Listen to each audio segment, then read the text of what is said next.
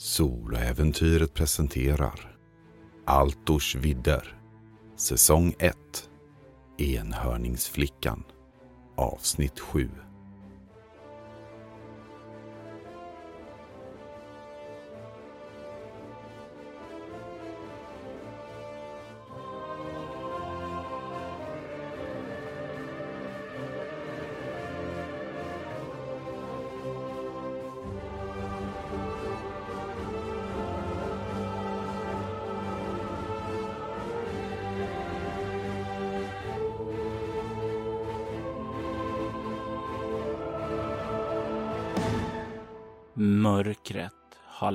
sig över Kandra och på ovanvåningen i Larmlegasts gamla hus så ligger Lela i sängen för första gången sedan hon flydde sitt hem i templet. Det har varit en lång resa och hon har tagit farväl av ännu en vän.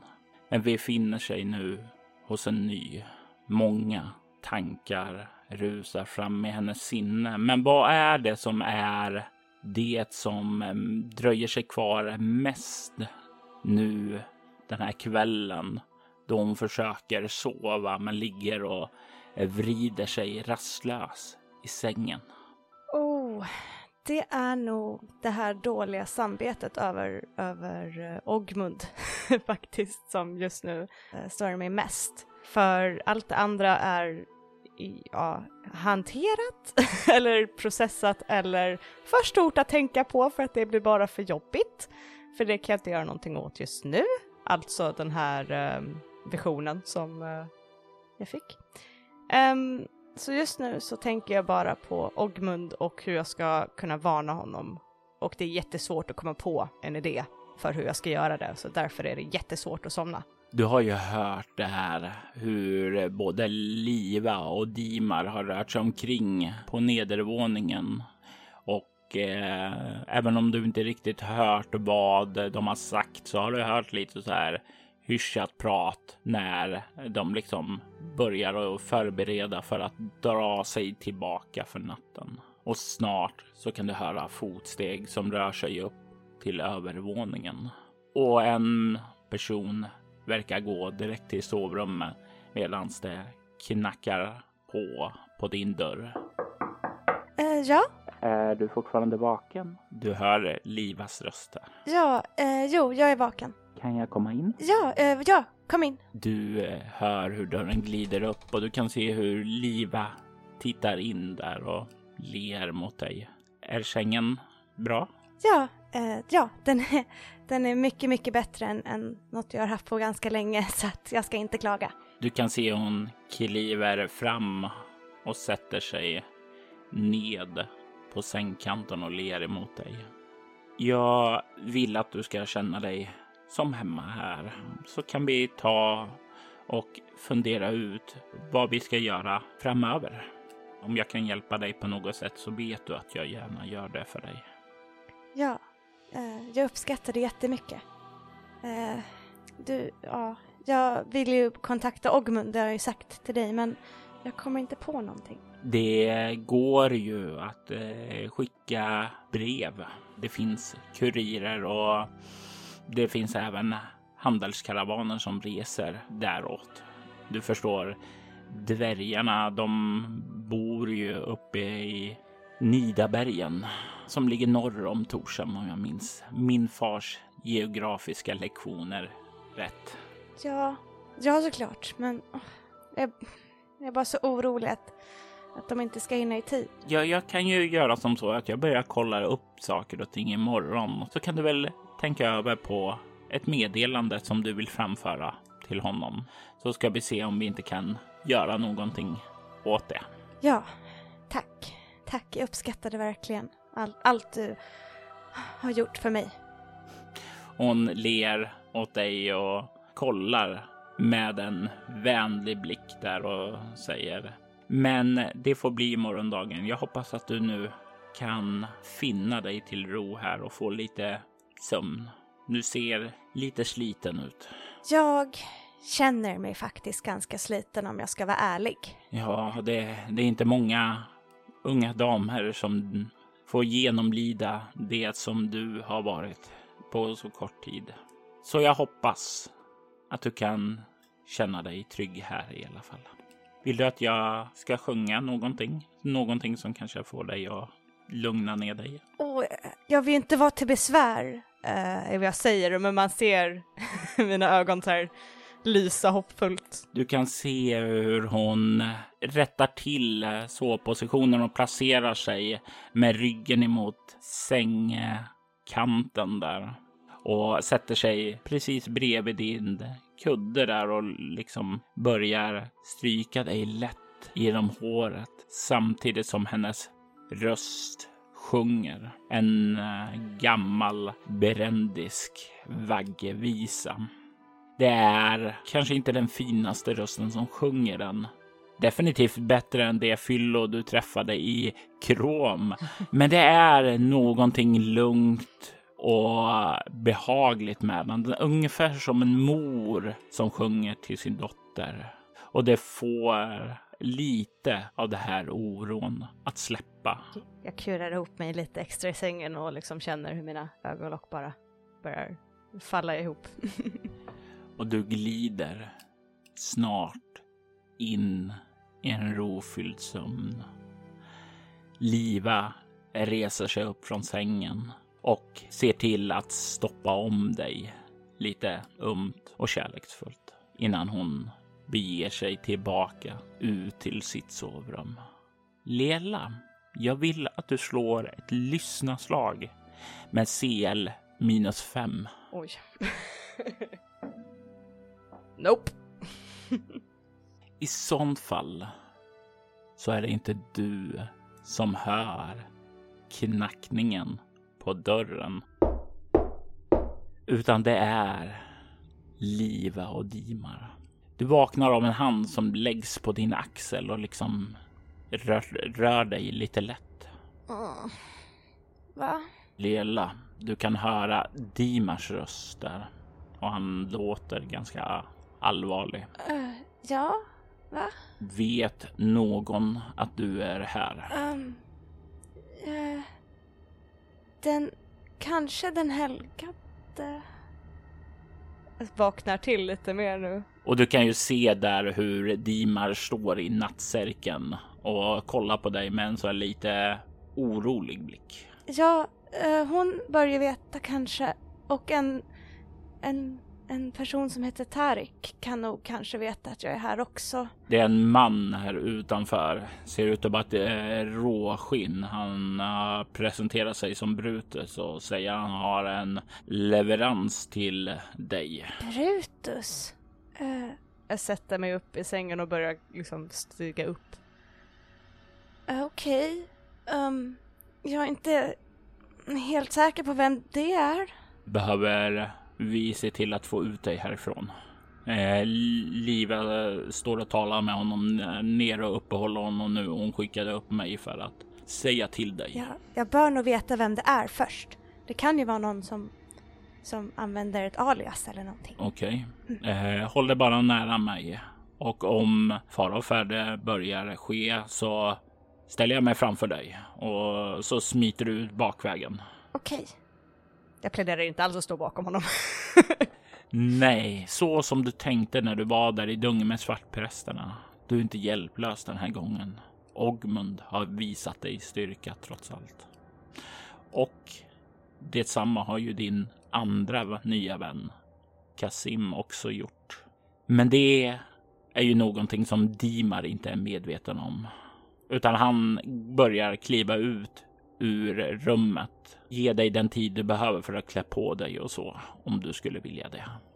Ja, jag, jag byter om så att jag är redo att, att fly ifall vi, vi behöver fly. Inte jag, utan vi i så fall. Du kommer ut i hallen och ni båda börjar vandra ned för trappan och ni kan höra där hur ytterdörren verkar stå öppen och ni kan höra Liva verkar föra ett ganska harmlöst samtal. Ett sånt här samtal som eh, tar upp mycket om ingenting. Och du kan höra mer sådana här grymtande från en man där ute. Han verkar inte vara särskilt mångordig. Jag tänker mig att du kan förslå ett slag för att upptäcka fara. Nope.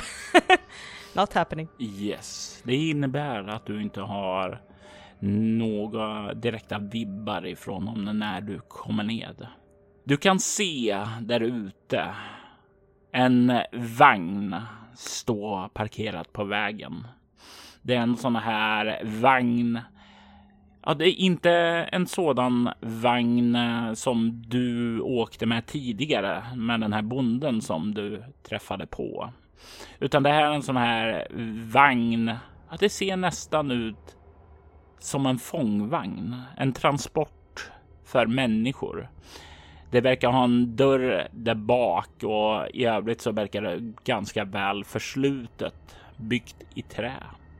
Mannen som står där utanför ser definitivt ut som ett råskinn. Han har grova överarmar, han har en läderrustning. Du kan se att han har någon, någon yxa i bältet där som hänger och en kniv på andra sidan. Han har även några ärr i ansiktet och över armarna och han kollar med en bister blick. Men när han ser dig så verkar han eh, rätta till så och kolla rätt på det. Är det du som är Lela? Vem är det som frågar? Brutus. Vem jobbar du för Brutus? Ja, jag jobbar för eh, fiskarna nu. Jag fick ett ultimatum att göra en leverans till dig om min familj och mina vänner skulle fortsätta leva. Så kan vi klara av det här så kan jag återvända till dem. Vad har du med dig för någonting? Han grymtar till och börjar gå till bakre delen av vagnen. Jag har en leverans som du skulle ha. Jag följer efter lite snabbt. och han stannar till där utanför samtidigt som han plockar upp nycklarna för att låsa upp vagnen. Och han kollar bort emot dig. Jag vill bara säga en sak. Jag har inte någonting med det här att göra. Har du förstått det? Mm. Kan jag se om han ljuger? Det var, var det, det som... Det, ja, det var det det var. då, då nickar jag bara. Han låser upp och han drar upp dörren. Och där inne så kan du se att det ligger halm på golvet. Du kan se också att det finns ett par kedjor vid väggen längst in i vagnen. Och vid den väggen så sitter det en person fängslad. Personen verkar vara klädd i någon säckklänning och ha en säck dragen ovanför huvudet. Det är en kropp som nästan hänger livlös därifrån. Jag har en, en föraning om vem det kan vara. Uh, så jag liksom skyndar mig fram. Mm. Släpp, släpp loss henne!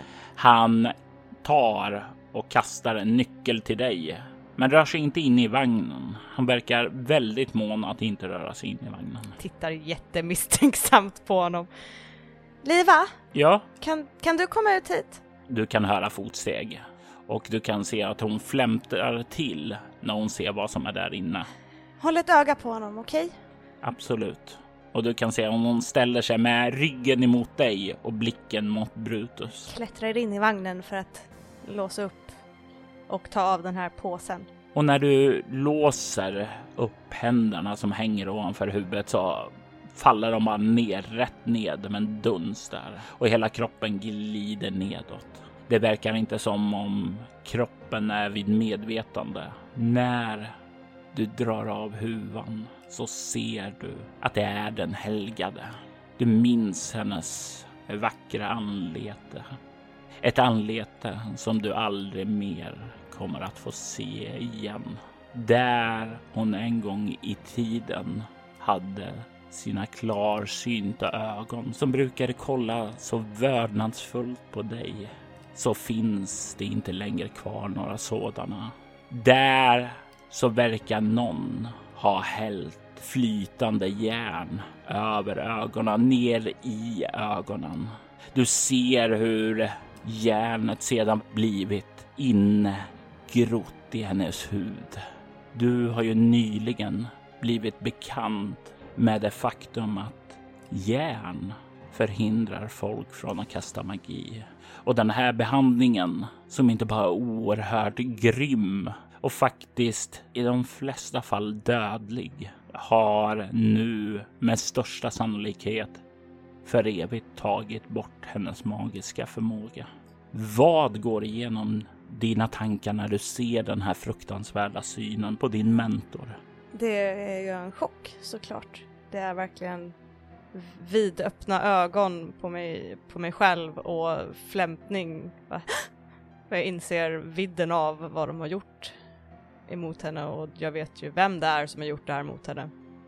Och jag liksom håller henne i mitt knä nästan, tror jag lyfter upp henne i mitt knä och jag är helt stum över den här brutaliteten, över att tänka mig ens hur hon måste ha känt när de gjorde det här mot henne och illamående och verkligen så otroligt blek där jag sitter där stirrar ner på henne. Jag tänker mig att du kan få slå ett slag för läkekonst.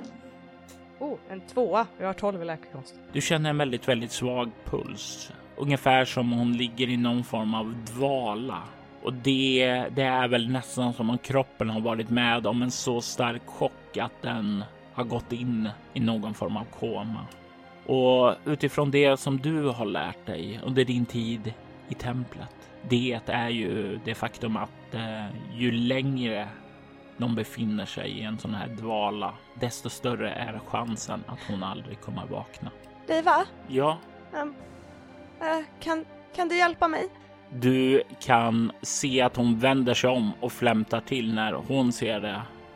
Och sen säger han Dimar, kom hit. Eh, du måste hjälpa Lela att ta in en kropp. Hon lever, okej? Okay? Hon är... Okej, okej, okej, okej. Ta in henne till en säng och du kan höra hur Dimar kommer gående och kliver in i vagnen. Och han går ned på huk vid din sida. Eh, Lela, eh, låt mig lyfta upp henne och bära in henne. Okej. Eh, jag håller i en av hennes händer fortfarande ändå bredvid honom medan han lyfter ut henne. Och när ni kliver ut där och du håller vid hennes slappa hand så kan du se hur Brutus har tagit fram någonting innanför västen. Du kan se att han verkar hålla en pergamentrulle med ett sigill av en röd fisk där och han verkar sträcka fram den emot dig. Jag liksom rycker till mig den bara och säger ingenting till honom. Och du kan se att han bara nickar åt dig och går sedan för att stänga vagnen bakom dig. Ni kommer in och du kan se hur Dimar tar den helgade till ett gästrum på nedervåningen. När han kommer in där så skyndar Liva fram och eh, rättar till sängen då så att han kan lägga ner den helgade. Okej, jag är ingen läkare, men jag vet var det bor i staden. Jag skulle kunna gå iväg och hämta. Jag kan försöka först. Det här, det här är mitt fel så att jag, jag måste försöka och, och hjälpa henne. Absolut, du kan få försöka hjälpa henne. All hjälp är bra, men jag vill inte att du klandrar dig. Du gjorde inte det här. Förstår du det, Lela? Tyst. um, jag nickar liksom väldigt kort, men det är inte det jag känner, det är inte det jag tycker själv om den här situationen, att det inte är mitt fel. Vad vill du försöka dig på? um, jag vill nog um, jag vill försöka och hela men det är så svårt att rulla för. men jag försöker att rulla för att uh, hela magin hela. Åh oh, just det, nej det är järn på henne så det kanske inte kommer funka ändå. Du tar och försöker samla krafterna men när du väl försöker att kasta det så känner du att järnet i henne, det verkar ju stå emot det. Du skulle visserligen kunna kolla resten av kroppen och läka de blessyrerna. Men den här värsta skadan där uppe i huvudet, den kan du troligtvis inte göra någonting åt, i alla fall inte med magi. Men mm. resten av kroppen, Absolut. Då fokuserar jag på det. Jag inser det och försöker först vid ögonen för att det är desperat liksom att det här vill jag fixa. Men inser ju på grund av hennes lär, lärdom till mig att det inte går. Och fokuserar då istället på vad jag kan se på andra delar av kroppen och försöker hela det. Samtidigt som det bara rinner tårar längs med kinderna på mig så försöker jag att hela hennes kropp och inte ögonen. Och då vill jag veta vad för effektrad du vill lägga. För varje effektrad du lägger så kommer du att läka en extra T6 nämligen. Och det kostar då en psy extra för varje effektrad du lägger på och det ger dig minus två. Uh, jag försöker på alltså an, två så att jag får två T6or. Mm. Så att jag har minus två. Mm. Uh, vilket jag skulle rulla under en sexa. två till! Du kan slå två T6 och se hur många KP du hon kommer få tillbaka. Elva, en femma och en sexa. När du börjar undersöka kroppen där undan för att se var skadorna finns och kunna fokusera ditt läkande så kan du se att hon har vad som ser ut att vara svärdshugg både över armarna som om hon har försökt att skydda sig med dem. Men även ett stort djupt sår som har körts rätt igenom magen som har blivit varigt och infekterat. Men din magi leder in i henne och du kan se hur såren sakta sluter sig, läker och ärren som skulle ha etsat sig fast i henne slätas ut och blir lika len som hennes hud annars var. Du ser hur hennes sår läker. Men när du liksom bara känner så här pulsen så verkar det endast förändra den märkbart. Jag sitter på knä vid hennes säng och håller en av hennes händer mot min panna och bara fortsätter gråta. du kan ju känna där hur Liva kliver upp bakom och liksom lägger sina händer på dina axlar. Samtidigt som Dima där verkar gå i bakgrunden, liksom tända ljus, hämta in vatten, göra sådana här små praktiska saker där och inte försöka störa stämningen i rummet. Jag, jag vill nog vara själv med henne nu en stund. Absolut. Eh, jag kommer finnas där ute om du behöver säger hon och släpper handen från dig. Och hon börjar kliva ut samtidigt som du ser hur Dimar kliver in och verkar lägga ned någonting innanför dörren. Jag lägger en filt och några kuddar här om du vill sova här inne. Jag nickar. Och sen så hör du hur han drar igen dörren där bakom dig. Efter en stund när jag har suttit där så går jag och hämtar en typ en trasa och lite vatten och försöker göra rent hennes ansikte runt järnet och allt sånt och försöker bara hjälpa. Men det är väldigt svårt, väldigt mycket skakande händer och mycket tårar som gör det svårt. Hon är ju skitig i ansiktet och hennes eh, hår är ju tovigt av jordkockor och annat. Det verkar inte som om hygien och utseende har varit en prioritet där hon har hållits fånge tidigare. Så det är ju ändå någonting som ger dig någonting visuellt märkbart att göra. Det syns det här du gör. Ja. Eh, tror jag bara gör mitt bästa för att få henne att se mindre först förstörd ut. Eh, på att säga. Och sen sitter bara där och väntar, håller, håller vaka över henne. Och timmarna, de går. Jag vill att du tar en fysikpoäng i förlust om du håller dig vaken och inte somnar vid hennes säng. Jag håller mig vaken. Dagen anländer till Kandra, men hennes tillstånd, ja, låt oss se hur det är. Slå ett nytt läkekonstslag. Ja, en nia och jag har tolv i läkekonst. Läget för henne verkar vara stabilt.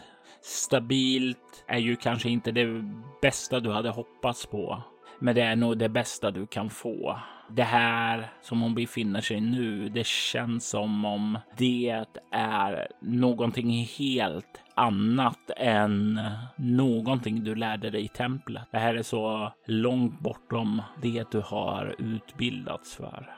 Det är som om hela kroppen har stängt ned av den fruktansvärda behandling som hon har utsatts för. Jag eh, går och försöker hitta Liva. Väldigt skakiga ben. Jag har suttit på huk och knä hela natten. Och du kommer ut så kan du se att eh, Liva har satt sig ned på en stol utanför och verkar ha somnat på den. Jag skakar hennes axel försiktigt. Mm. Lela. Du kan se hon rättar till sig och gäspar till lite. Mm. Vad, vad kan jag göra för dig? Um, hon, jag tror uh, hon är stabil just nu men det, hon måste vakna snart. Um, och jag vet inte om jag kan få henne att vakna.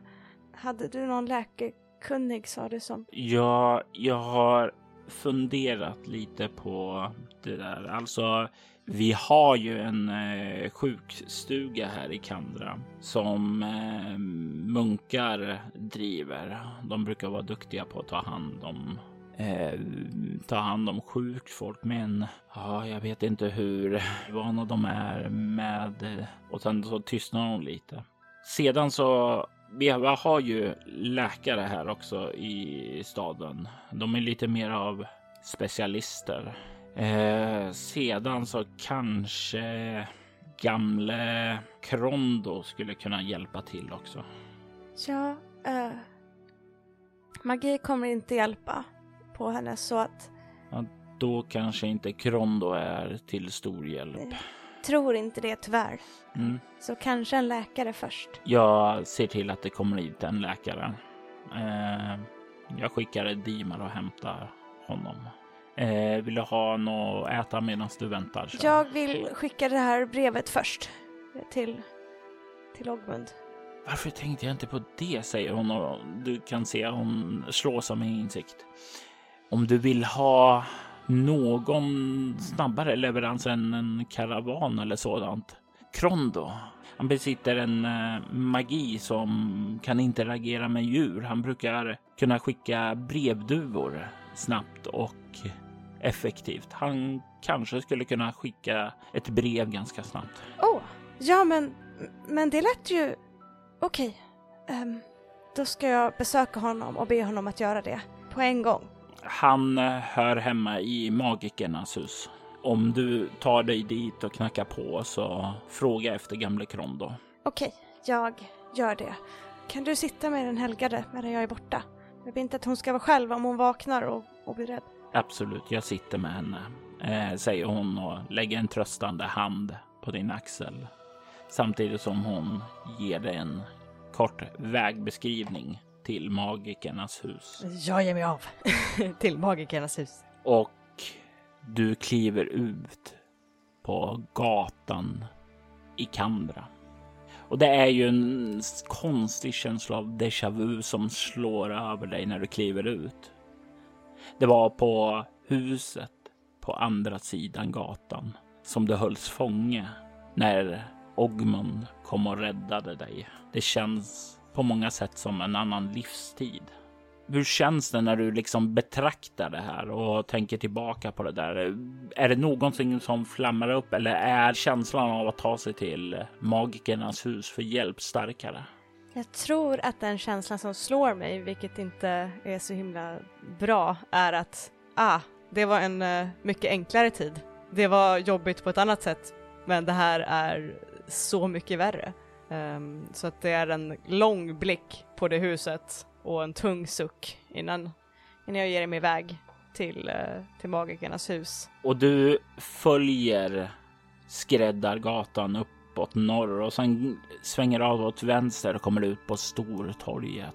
Du kan se hur de olika stånden har börjat komma upp och folk står där ute för att mångla sina varor. Du tar dig över Stortorget och kommer bort till Pilgrimsgatan och följer den ut till Häxtorget och där så kan du se port porten till magikernas hus. Det är ett väldigt fint och stort hus som sticker ut på ett sätt som gör det väldigt, väldigt lätt att hitta. Jag går dit och jag knackar på. Och du kan se hur dörren öppnas och du kan se en pojke i 12-årsåldern, en blond lintott som ler när han ser dig och säger eh, god dag. Eh, god dag. Jag, eh, jag är här för att träffa Krondo. Och eh, har du inget möte? N- nej, men, men det är viktigt. Hmm, du kan se han kolla lite på dig som han överväger det här och jag tänker att du kan få slå ett övertalarslag. Uh. Nej, det var 16 och jag har 10 i övertala. Mm, jag har fått eh, order att inte släppa in någonting. Någon säger han och kommer på sig själv. Eh, um, Liva Legast har skickat mig, om det hjälper något alls.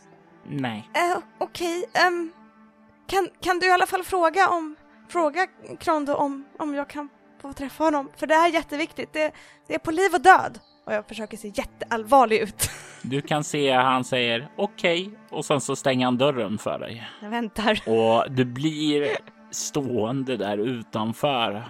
Kollar dig runt, kan se att eh, det här är ett lugnare torg än där borta ifrån Stortorget. Du kan ju höra ljudet av folk som rör sig där. Du kan höra marknadens alla ljud som börjar blossa upp nu här under dagen. Här är det dock lugnare.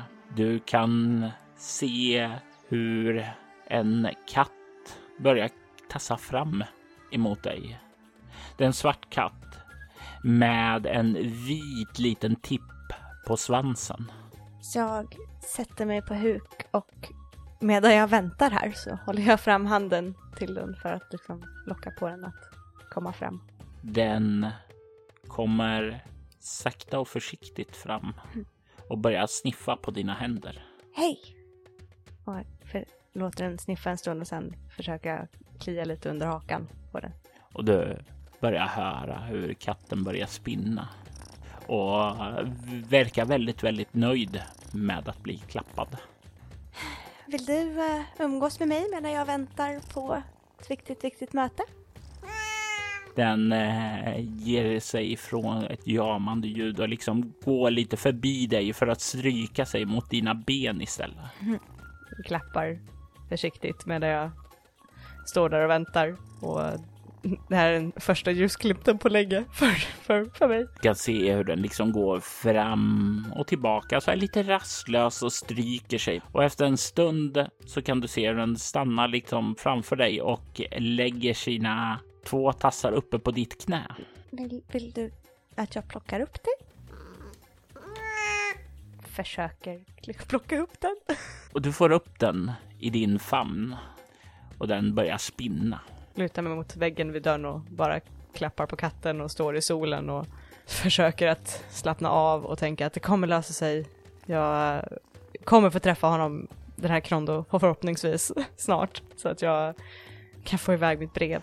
Och när du står där så kan du plötsligt se en kvinna komma gående på gatan. Hon är klädd i en eh, röd lång eh, rock. Hon har ett sånt här mantelspänne i guld som håller hennes mantel på plats. Du kan se att hon har också ett eh, diadem i guld där också och hon har ett långt svart hår. Hon kollar bort emot dig och så säger hon Ah, där är du. Jag undrar var du hade tagit vägen. Uh, ursäkta? Jag talar inte med dig. Jag talar med Settel här. Oh. Och du kan höra katten bara jamar.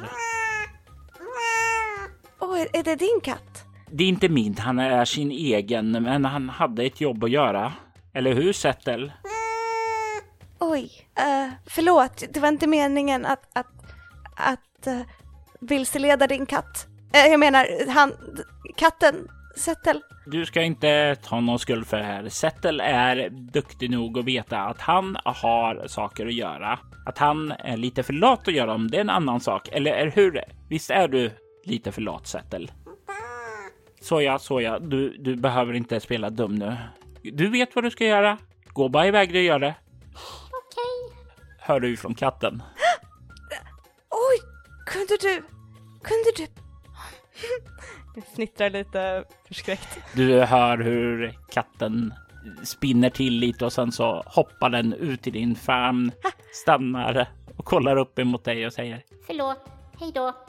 och sen börjar den tassa undan. Det var nog jag som skulle be om ursäkt. och sen får jag dåligt samvete för att jag fnissar. och blir lite tyst. Du kan se hur den här kvinnan kliver fram till dig. Så flicka, vad gör du här utanför magikernas hus? Åh, eh, jag behöver prata med, med Krondo. Eh, det är jätteviktigt och eh, någon skulle fråga om han hade tid att prata med mig. Eh, jag är inte Krondo, mitt namn är Myndol och jag är en av magikerna här. Vad vill du tala med Krondo om? Jag har ett, ett, ett meddelande som måste fram fort och jag fick höra från min vän Liva att han kunde skicka det här brevet fort med brevduva, kanske. Jag är inte så riktigt säker på vad han skulle vilja göra, men han kan göra det. Om du följer med mig så kan jag leda dig in till honom. Åh, tack! Tusen tack! Eh, Om det inte är till för mycket bes... Tack! Hon ler lite åt dig och rufsar till dig lite i håret och sedan så gör hon en gest åt följ med mig och kliver bort emot dörren. Okej. Jag följer efter. Dörren öppnas och ni kliver in i, magikernas hus. Du kan se hur den här blonda lintotten kollar upp ifrån bänken och när han ser Myndol så reser han sig upp väldigt så här respektfullt och bugar lite åt henne och hon bara äh, såja, såja, det är inte nödvändigt. Och så ser han dig och sen så blir han väldigt, väldigt nervös här plötsligt när han inte riktigt vet om det var bra att låta dig vänta eftersom Krondo sa att han skulle. Oj, oj, oj, oj, oj, oj. Jag tittar bara på honom lite så här förstående på ett sätt, men samtidigt så här lite surt. Och han viker undan blicken och eh, ser lite så här besvärad ut och rodnar lite grann också. Kliar sig lite i nacken förstrött där och vet inte riktigt vad han ska säga så han säger ingenting. tittar bara surt på varandra.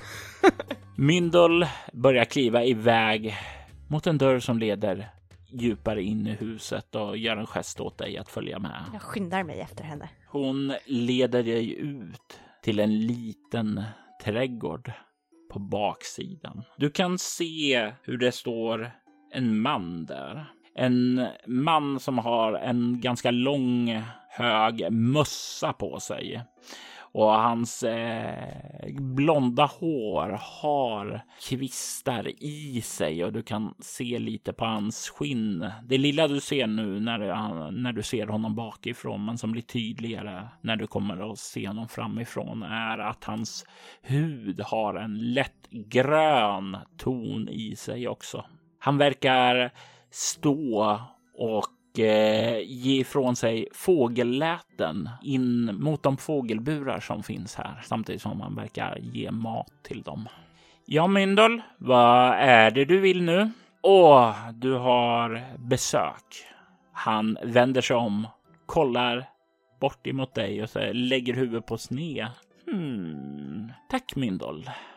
Och hon bara nickar. Och sen vänder sig Myndol emot dig och kollar ner. Bara. Så ja, han är inte farligt. Han bits väldigt, väldigt sällan, säger hon och ler mot dig och börjar sedan kliva in.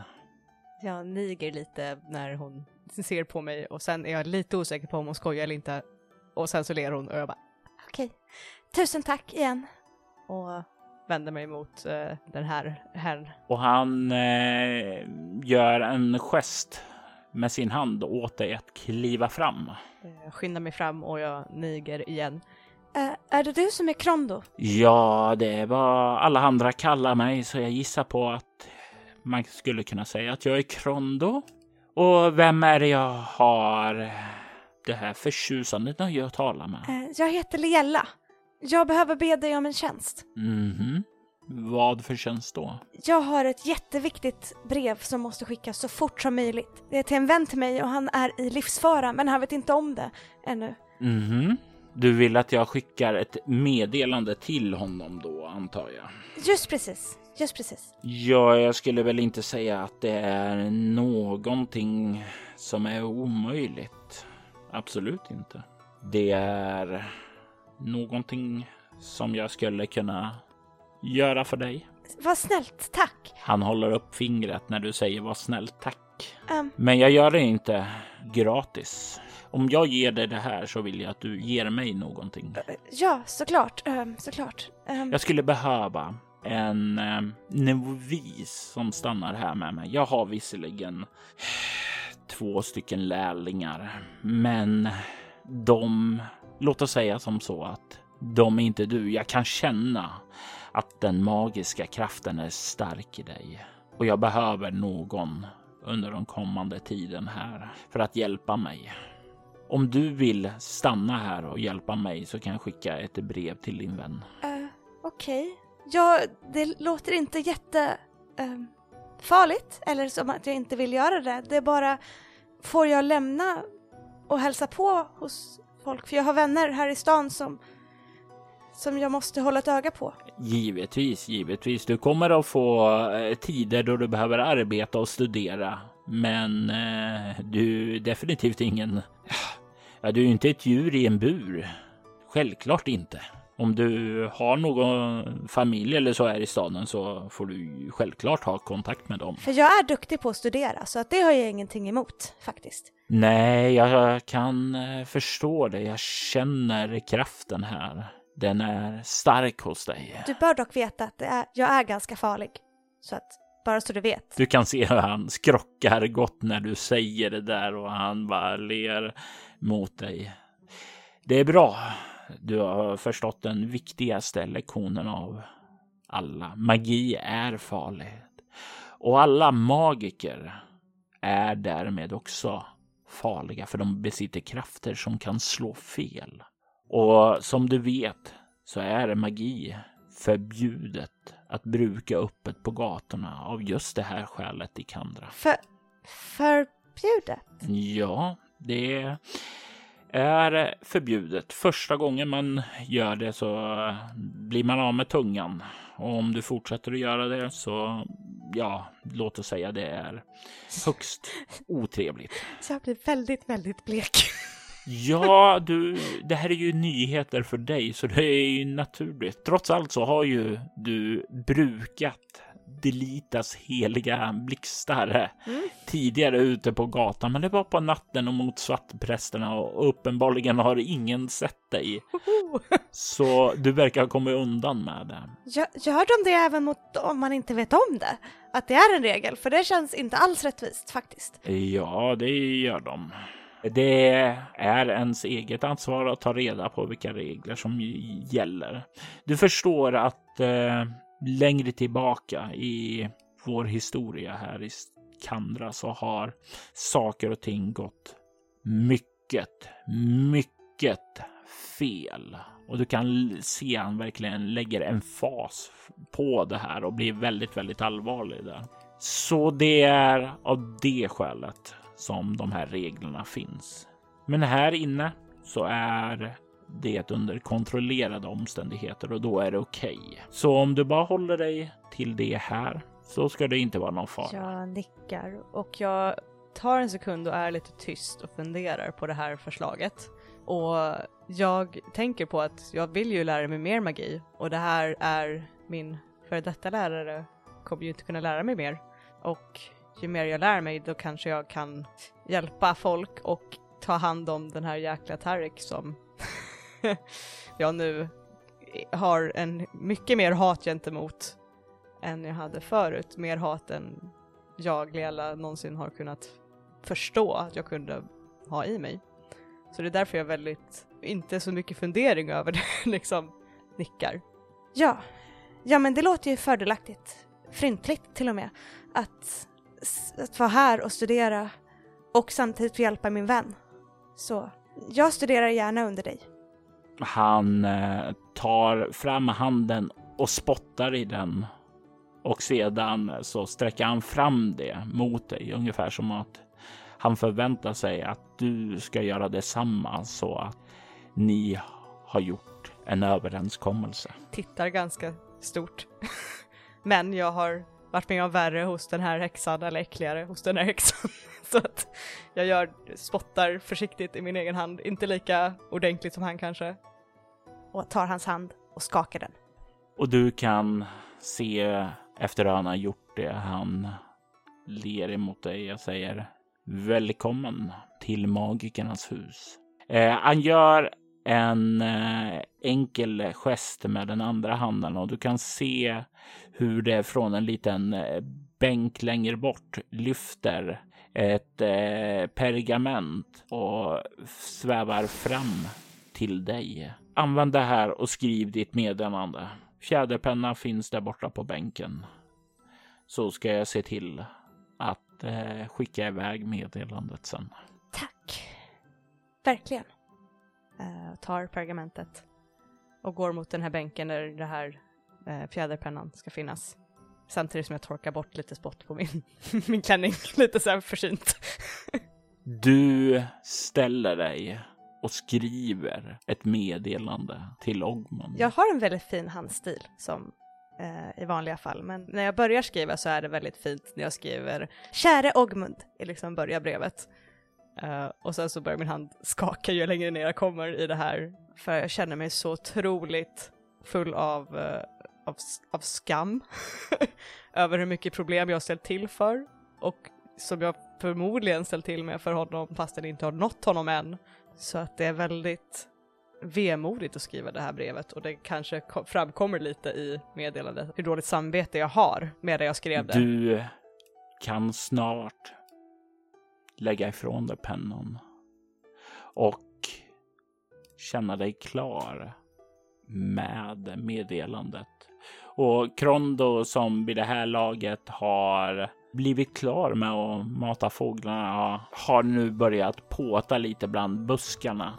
Rensar undan lite ogräs och sådant och han kollar upp därifrån en buske och säger eh, ja, eh, är ni klar nu fröken Leela? Eh, eh, ja, ja, jag är klar. Jag torkar bort lite tårar under kinderna eller under ögonen och går bort med det här brevet som jag har vikt ihop. Och du kan se han tar emot brevet, rullar ihop det och sedan tar han fram en vax och ett sigill för att liksom försegla det. Därefter så kliver han bort till en av de här fågelburarna, öppnar den.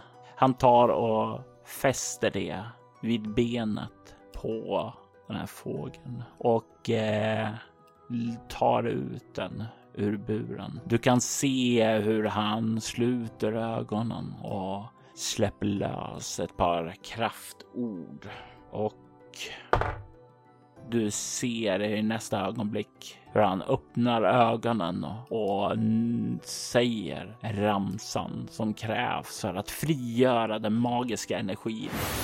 Fågeln ger ifrån sig ett skri och tar sedan och lyfter upp emot himlen och börjar nu ta rejäla vingeslag för att ta sig högre upp och längre bort. Han vänder sig mot dig och säger vännen som du har skrivit brevet till kommer att få meddelandet. Mina fåglar kommer alltid fram. Tusen tack igen. Åh nej, det är jag som ska tacka. Gamle Krondo kommer att ha mycket arbete åt dig, hårda studier. Men om du är villig att göra arbetet så kan jag nog lära dig både ett och annat här. Jag är inte rädd för hårt arbete, så att jag kommer göra det du ber mig. Utmärkt. I sånt fall så vill jag att du tar den här dagen. Ta dig till din familj. Berätta att du kommer att ha mycket att göra, att du kommer att studera här. Du kommer få ett rum här med de andra lärlingarna och eh, du kommer sedan att bo här. Du har dina fritider så du kan besöka din familj och sådant. Är det förstått? Ja. Utmärkt. Då vill jag se att du kommer hit klockan sju imorgon bitti. Självfallet. Jag kommer vara i tid. Han ler och nickar i så fall önskar jag dig en trevlig dag, Lela. Detsamma, mäster. Han skrockar lite för sig själv och du ser hur han vänder sig tillbaka ner i buskarna för att fortsätta att påta där. F får jag bara ställa en fråga innan jag går? Mm, ja, ja, det går väl bra antar jag. Vet du något som kan hjälpa någon som har fått järn i ögonen? Järn i ögonen? Vad? Eh, det... Det lät fruktansvärt och det lät inte särskilt hypotetiskt heller. Det är för att det inte är det. Mm. Jag kan faktiskt inte säga på rak hand där. Det här är någonting som jag behöver kolla upp och diskutera i sånt fall med, någon, med en kollega här. Eh, låt mig kolla upp det här. Jag kan inte ge dig några svar på rak hand, men eh, jag lovar att jag ska göra mitt bästa för att se om jag kan hitta någonting i vårt bibliotek. Igen, tusen tack. Det är inte meningen att vara ett besvär, det är bara att jag har mycket jag behöver stå i. Oroa dig aldrig över att vilja hjälpa någon annan att må bra. Sådant behöver världen mer av än folk som månglar om pengar och tar mynt ur börsfickorna och allt sånt där. Ursäkta aldrig din godhet. Se det som lektion nummer ett. Jag ska komma ihåg det. Jag niger och sen beger jag mig tillbaka för att förklara för Liva vad jag nu har gjort. och du kommer tillbaka till Liva. Det blir ju ett eh, litet farväl. Du har haft många sådana på sistone. Men hon säger att hon förstår. Hon förstår så väl. Hon känner ju trots allt Ogmund och bryr sig om honom också. Så när du säger att du gjorde det för att skicka det här brevet så är det definitivt ingenting konstigt i hennes ögon. Trots allt bryr hon sig också om Ogmund. Och hon lovar även att se till att ta hand om den helgade. och Se till att hon har det så bra som möjligt.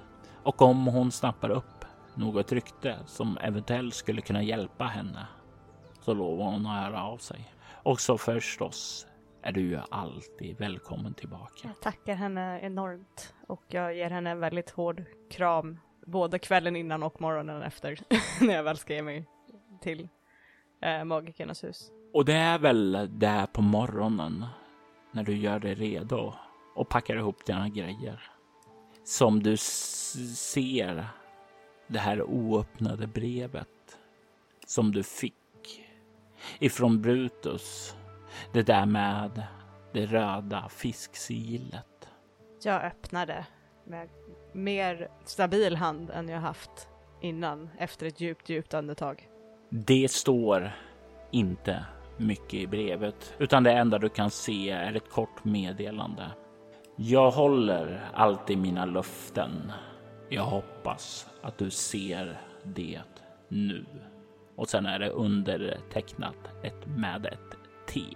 Jag tror att mina ögon är så otroligt kalla ett par ögonblick efter jag har läst det.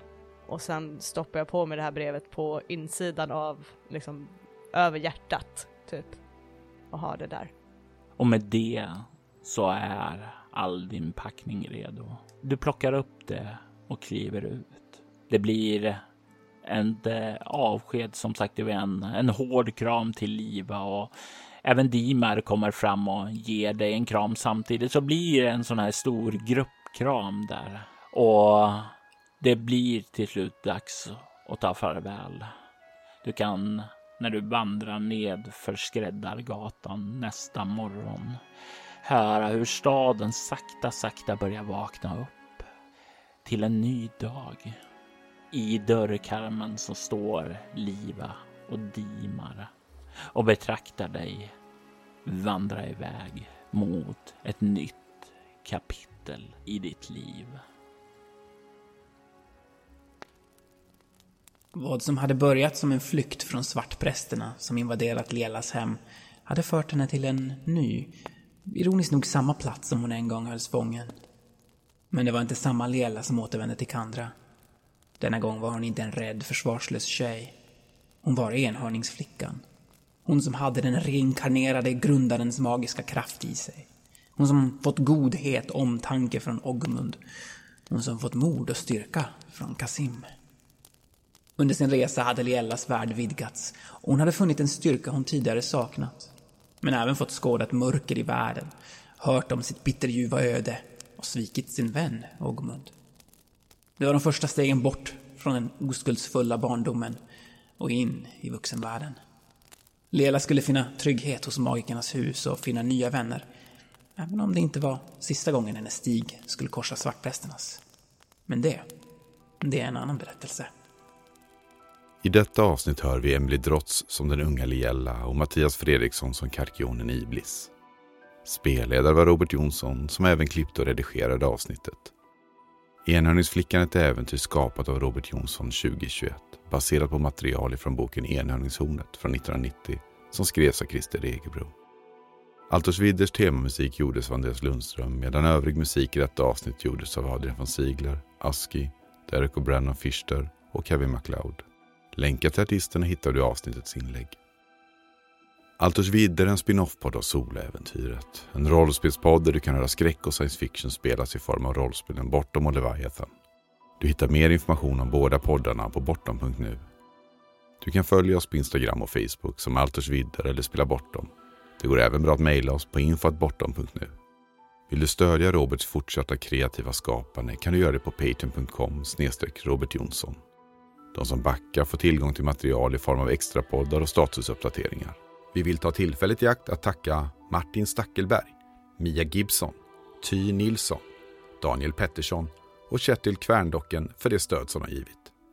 Jag är Jörgen Niemi. Tack för att du har lyssnat.